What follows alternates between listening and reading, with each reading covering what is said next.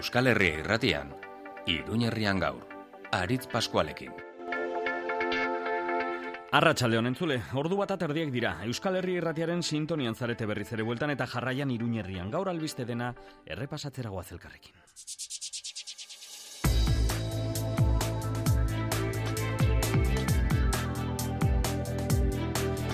Oposizioan den Navarra Sumak gaur parlamentuan bi bozketetan garailatera da eta bapatean joko politikoaren erdigunean geratu da. Nagusi, PSN erekin aldugurekin eta izkierda ezkerrarekin abendutik blokeatua zegoen hitzarmen ekonomikoaren akordioa bozkatu du.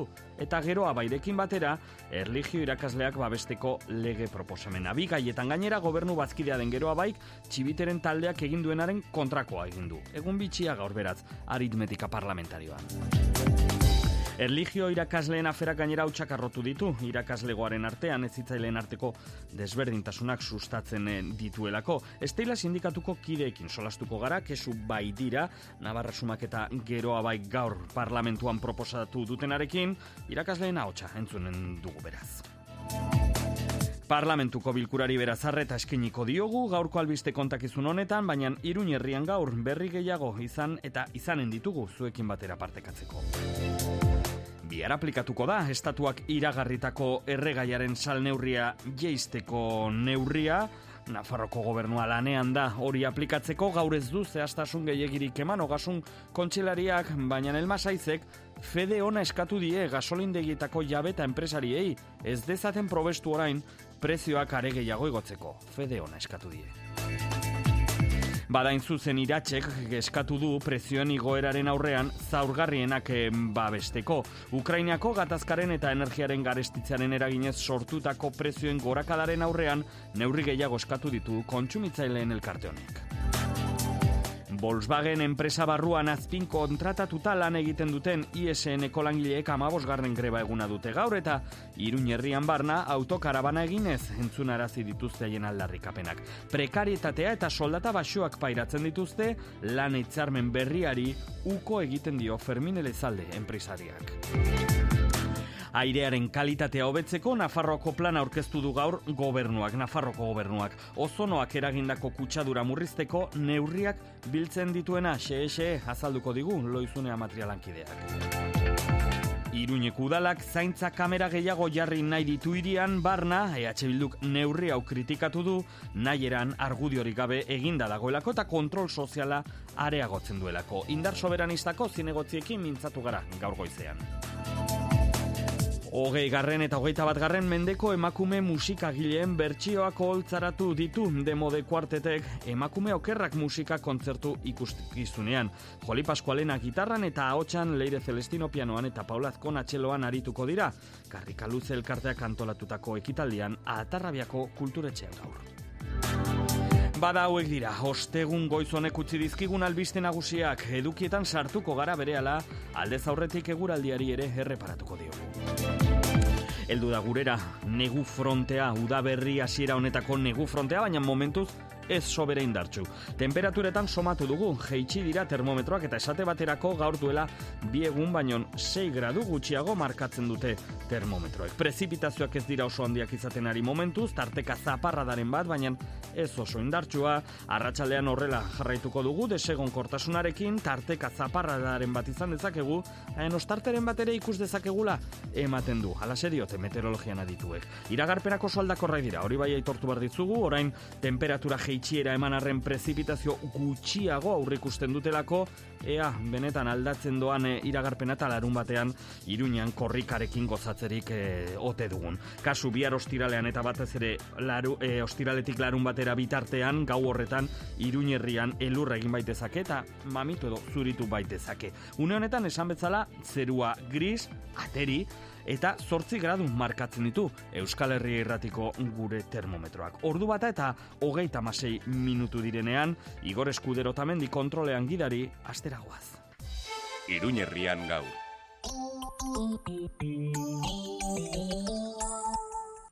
Azken aldian albiste txarrak baino ez ditugu entzuten, baina honak ere behar ditugu gure osasunerako. Guk albiste ona eman nahi dizugu. Aurten, amabi urte bete ditugu. Amabi urte, erleek ematen dizkiguten produktu ezkozatzen. Kalitate goreneko eztia, erregina jelea, polena eta propolia eskaintzen. Eskerrik asko zuri bezero, urte hauetako konfiantza eta babesagatik. La Colmena, Hilarion Eslabakalea, iru. Interneten, lacolmenatayuda.com Emakumeen osasunari garrantzi handia ematen diogu ekiaeko denan garrantzitsua baita barrutik eta kanpotik zaintzea. Higiene intimorako produktu ugari aurkituko dituzu ekiaeko dendan baita aurpegia gorputza eta hilarentzako kosmetiko naturalak ere, eta emakumearen barne oreka zaintzen laguntzen dizuten osagarrietan aukera zabala. Ekia eko denda iturra mauzoa Fuente del Hierro lau.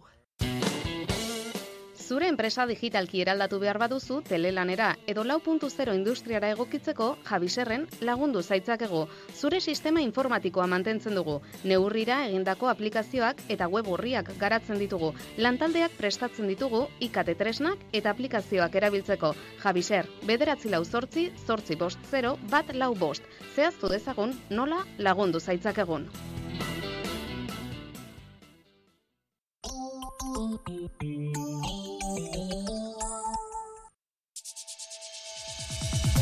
Iruñerrian gaur, albisteak. Arratsalde kordubiak izateko, hogeita bi minutu falta direnean Euskal Herri irratian gertuko albisten kontakizuna egiten hasiko gara egunero ordu honetan egiten dugun bezala.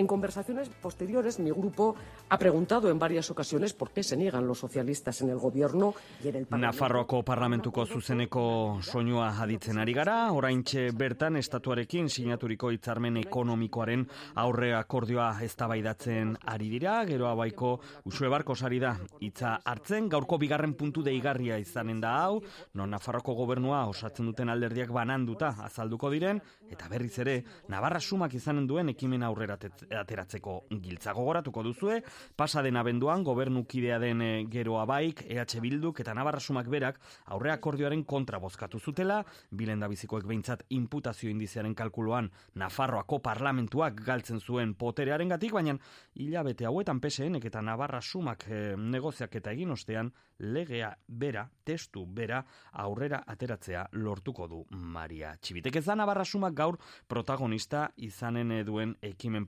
parlamentario bakarra, goizean goiz, erligio irakasleak babesteko lege proposamena aurkeztu bai du eskuinako koalizioak. Badakizue, lomloe legearen arabera, jeitsi eginen dira, erligio orduak, e, hain zuzen ikastetxetan, eta horren e, ondorioz, erligio irakasle gutxiago beharko dira, edo bentsat erligio irakasleek lanzama harinagoa izanen e, dute. Bere mozioaren e, defentsan, bere lege proposamenaren defentsan, Navarra sumak erligio irakasgaiaren beraren defentsa egin du, behin eta berriz sektarismoa leporatuz alderdi sozialista eta gobernukideak dituen alderdi guztiei. Pedro González eh, diputatuak parlamentuak adiratzi duenez, hain zuzen erligio irakasleak kaltetu nahi dituzte erligio irakasgaia emateagatik unos derechos reconocidos, aunque parece que esos derechos en este caso están matizados porque son Eztabaida honetan bidelagun izan du Navarra sumak geroa bai alderdia.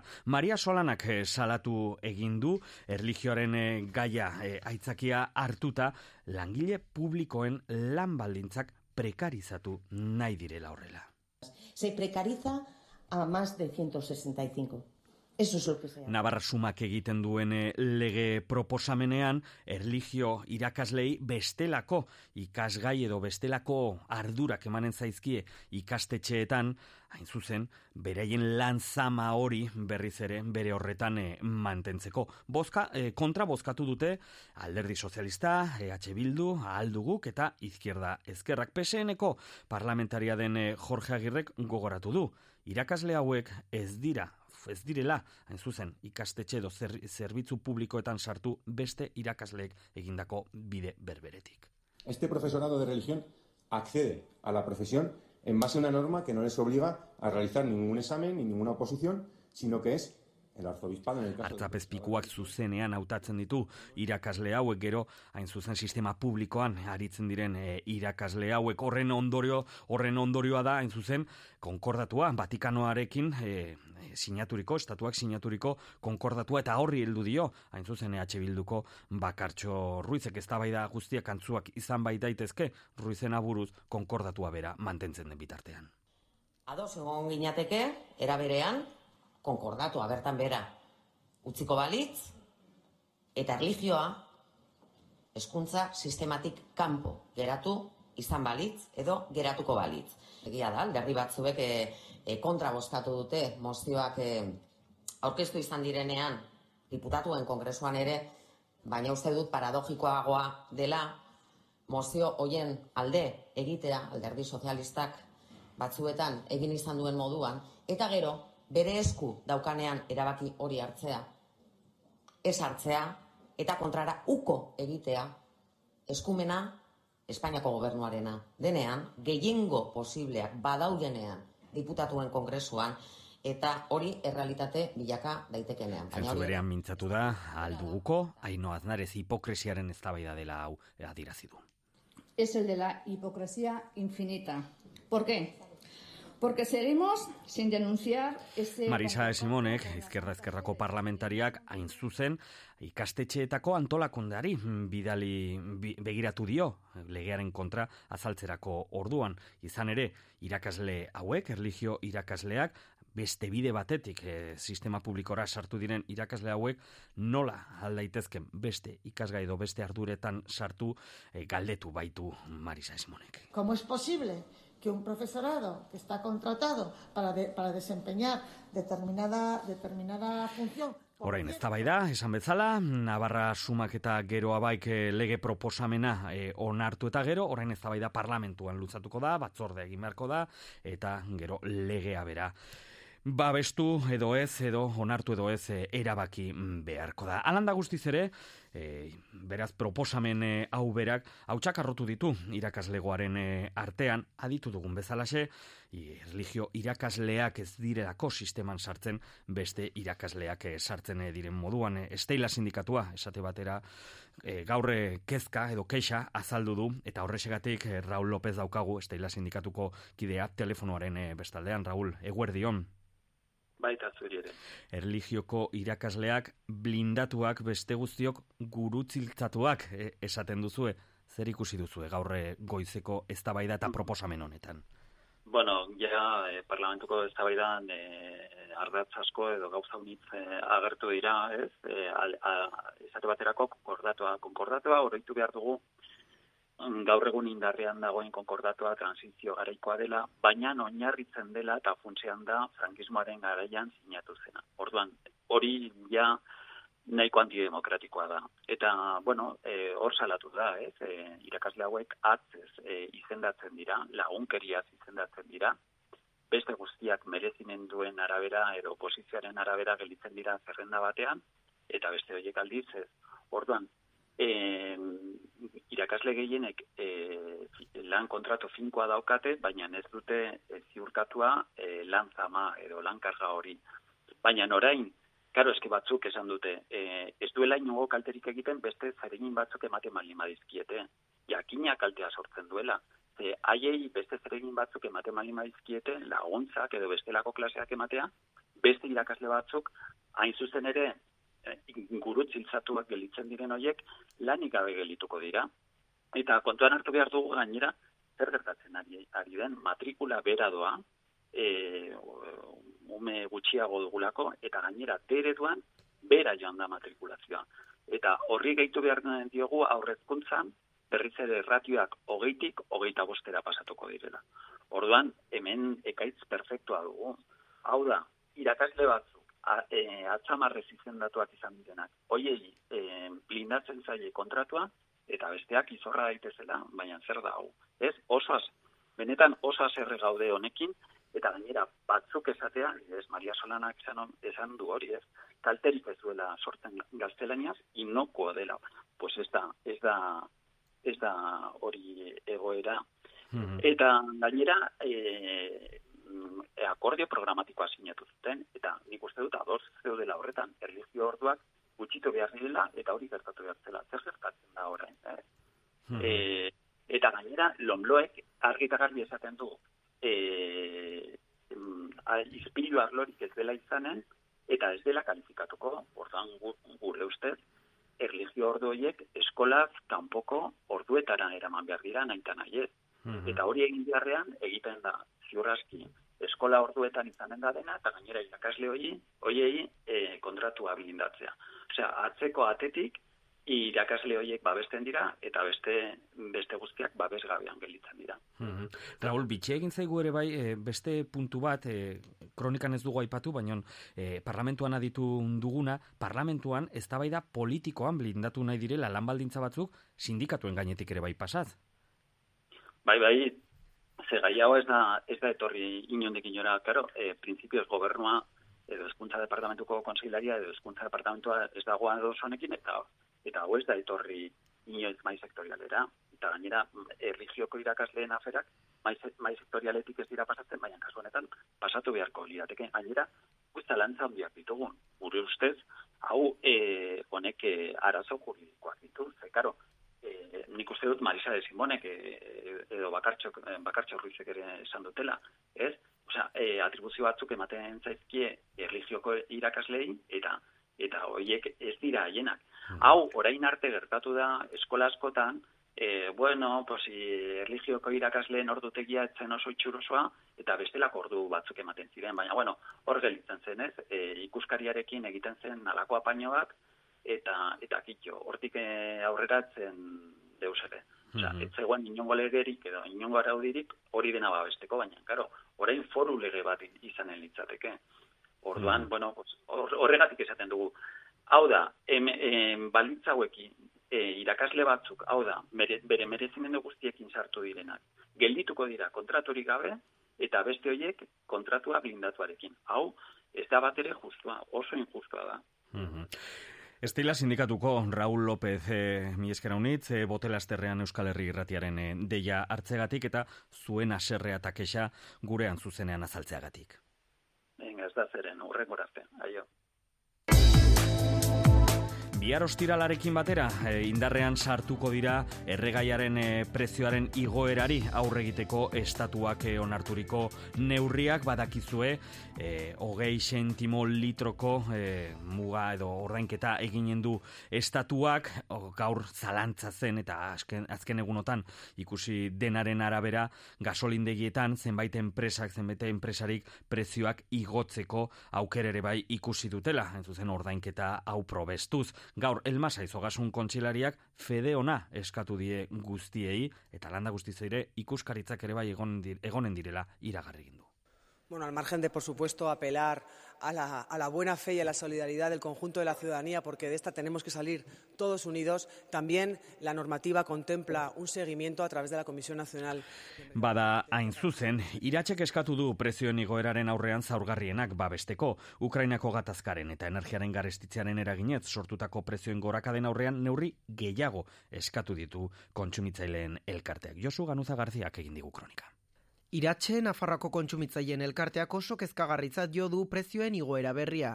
Martxoan urte arteko inflazioa euneko bederatzikako sortzikoa izan da, mila bederatzino eta laurogeita bosgarren urteaz geroztik izan den igoerarik altuena jasan da. Bilakaera hori ondasun eta zerbitzu gehienen prezioen igoera orokortuen ondorio izan da, eta elektrizitatea erregaiak eta elikagaien prezio igoera nabarmentzen da gehien bat. Testu inguru honetan iratsek positiboki baloratzen ditu ostiral honetan indarrean sartuko diren arauak, baina uste du ez direla nahikoak izango. Horregatik neurri berriak hartzeko deia egin du eta besteak beste eskatu du aldi batez elektrizitatearen zergak eteteko. Honekin batera eskatu dute argindarraren ordainagiria gasaren preziotik bere izteko. Izan ere, arazo larrienetako bat, elektrizitatearen prezioa finkatzea da. Iratxeren ustez, ezimestekoa da gasaren prezioa eta elektrizitatearen prezioa modu eraginkorrean behereiztea. Kontsumitzaileen elkartearen ustez modu honetan kontsumitzaileei eta oroar ekonomiari eragiten dien faktura elektrikoa benetan jaistea gerta bailiteke. Era berean, Europako agintariek prezioak finkatzeko sistema marginalistaren zentzua zalantzan jarri dute energia guztia enkante bakoitzean garestienak duen prezioaren arabera ordaintzen baita. Prezioen gorakada gelditzeko erabaki gehiago hartu bitartean iratsek eskatu du familia zaurgarrienei laguntzeko batez ere energiaren eta elikaduraren arloetan. Honekin batera egungo egoera oinarri iratxeren ustez krisionek abia puntu izan behar du Nafarroan energia berriztagarrietan oinarritutako ere durantzko trantsizio energetikoa bizkortzeko. Eskatu dute Nafarroa aitzindaria izan dadin arlo honetan. Azkenik erregaien prezioi dagokienez, beharrezkoa ikusten du iratxek onartutako deskontuak behar bezala aplikatzen direla kontrolatzea. Langatazki buruz ere bai solastuko gara, Volkswagen barruan azpi kontratatuta lan egiten duten ISNeko langile gaur ama bosgarren egu, greba eguna bizi dutelako eta iruñerrian barna autokarabana eginez entzun arazi dituzte haien aldarrekapenak Euskal Herri irratian, haien ahotsa bildu du loizunea materia zabaltza lankideak eguerdion loizune. Eguerdion ia erabateko jarraipena du ISN enpresako langileek abiatutako grebak berrogeita amabi langile duen enpresa honetan soilik hiru joan dira lanera, hiruak zuzendaritza lanpostuetakoak. Lanbaldintzak duin duintzeko eskatzen ari dira Volkswageneko azpi kontratatutako enpresen artean soldatarik basuena dute eta.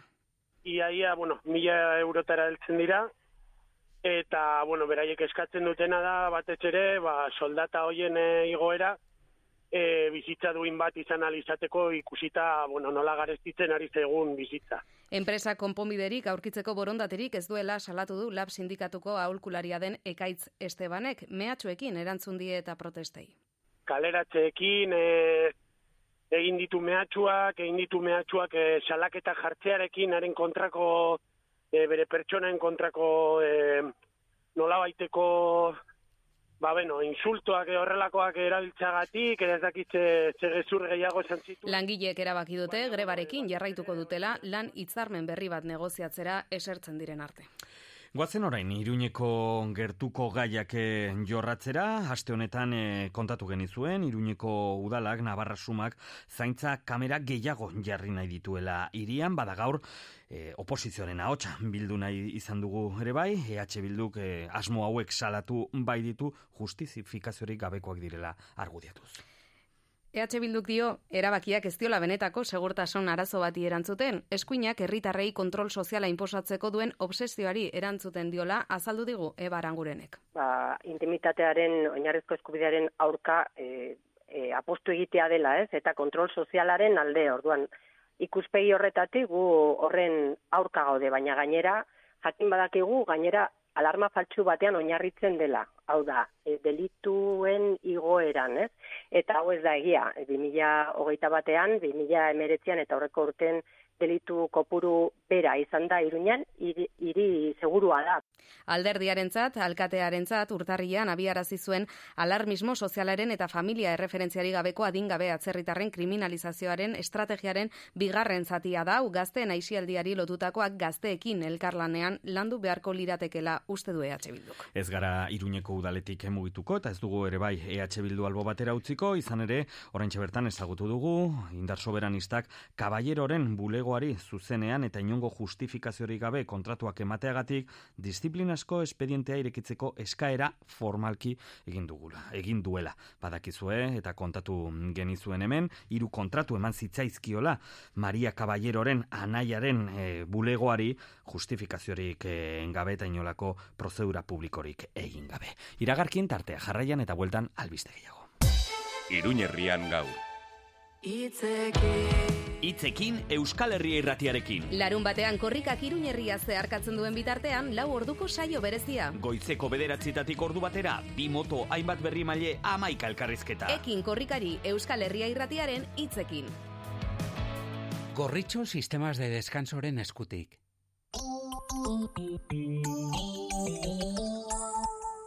Gurea herrikoa Gorritxo sistemas de descanso benetako atxeden aldearen plazerra. Jango Miranda emeretzi, Antxo Azkarra hogeita mabi, Atarrabia torbidea bi eta Mutiloako industrialdean akaleko amazazpian. Gorritxo sistemas de descanso korrikarekin bat. Orain zerbitzu berria, telemedikuntza teknologiarik aurreratuena zure eskura. Erretinaren patologiak prebenitzeko begia aztertzen dugu, baina orain begininia dilatatzeko tanten beharri gabe, azterketa pertsonalizatua. Optika Iruña, Aiozko Monasterioa lau, Donibane auzoan eta optikairuna.com webunean. Noainen, Serreria Esparza. Zurdindegi eta ebanisterietarako hornikuntza. Altzariak, eskailerak eta upelak egiteko askotariko zura. Gaztainondoa, gereziondoa, lizarra, informazio gehiago serreriaesparza.com webunean. Gure berezitasuna, aritza.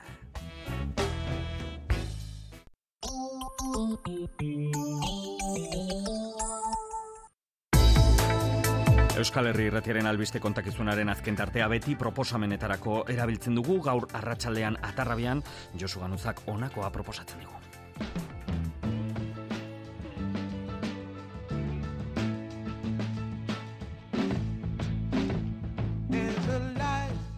Garai batean oker ikusiak izan ziren emakume musikariak eraman ditu berriro oholtzetara demo de kuartetek emakume okerrak ikuskizunean. Ahotsa pianoa, txeloa eta gitarra dituen kontzertu eskenikoa da, eta Joli Pascualena, Leire Celestino eta Paulazkona egileek musikaren historiera igaro diren hainbat abeslari eta egile ezagunen abestien jatorrizko bertsioak moldatu dituzte, haien artean Janis Joplin, Chabela Vargas, Maria Callas, Dolly Parton eta Nina Simone. Ikuskizuna testuz osatzen da eta begira da, desberdin bat osatzen dute noizbait okerrak izan ziren hogei garren eta hogeita bat garren mendeetako emakumezko artista horien bizitza pertsonal edo profesionalaren alderdi ez oso ezagun eta urratzailei buruz. Hogei garren eta hogeita bat garren e, e, amarkadakoak, orduan, ba, bueno, mm, batez ere e, inkorrekzio horiek ezberdinak izatea nahi genuen. Gaur arratsaldean Atarrabiako kulturetxean hariko dira beraz, Joli Pascualena, Leire Celestino eta Paulazkona emakume okerrak lanarekin arratsaldeko zazpietatik aurrera, karrika luze Euskara Elkartea kantolatutako proposamen kulturalean.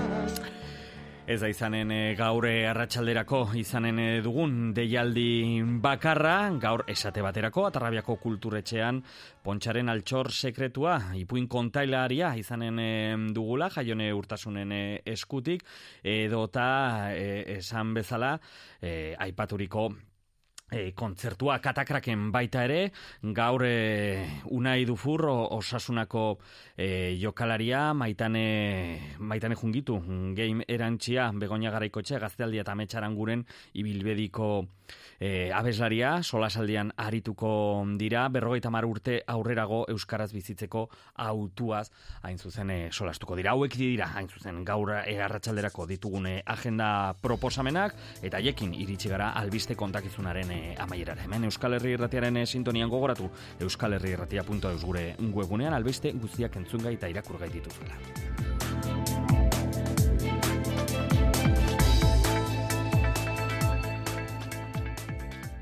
Eguerdiko ordubiak dira. Euskadi Irratian, Goizak Gaur. Arratxalde on guztioi, bi ordu terdi baru, arratsaldeko lau terdietan abiatuko da tipitapa korrika amurrion, hogeita bigarren ekitaldia izango da ortengoa, itzekin leloa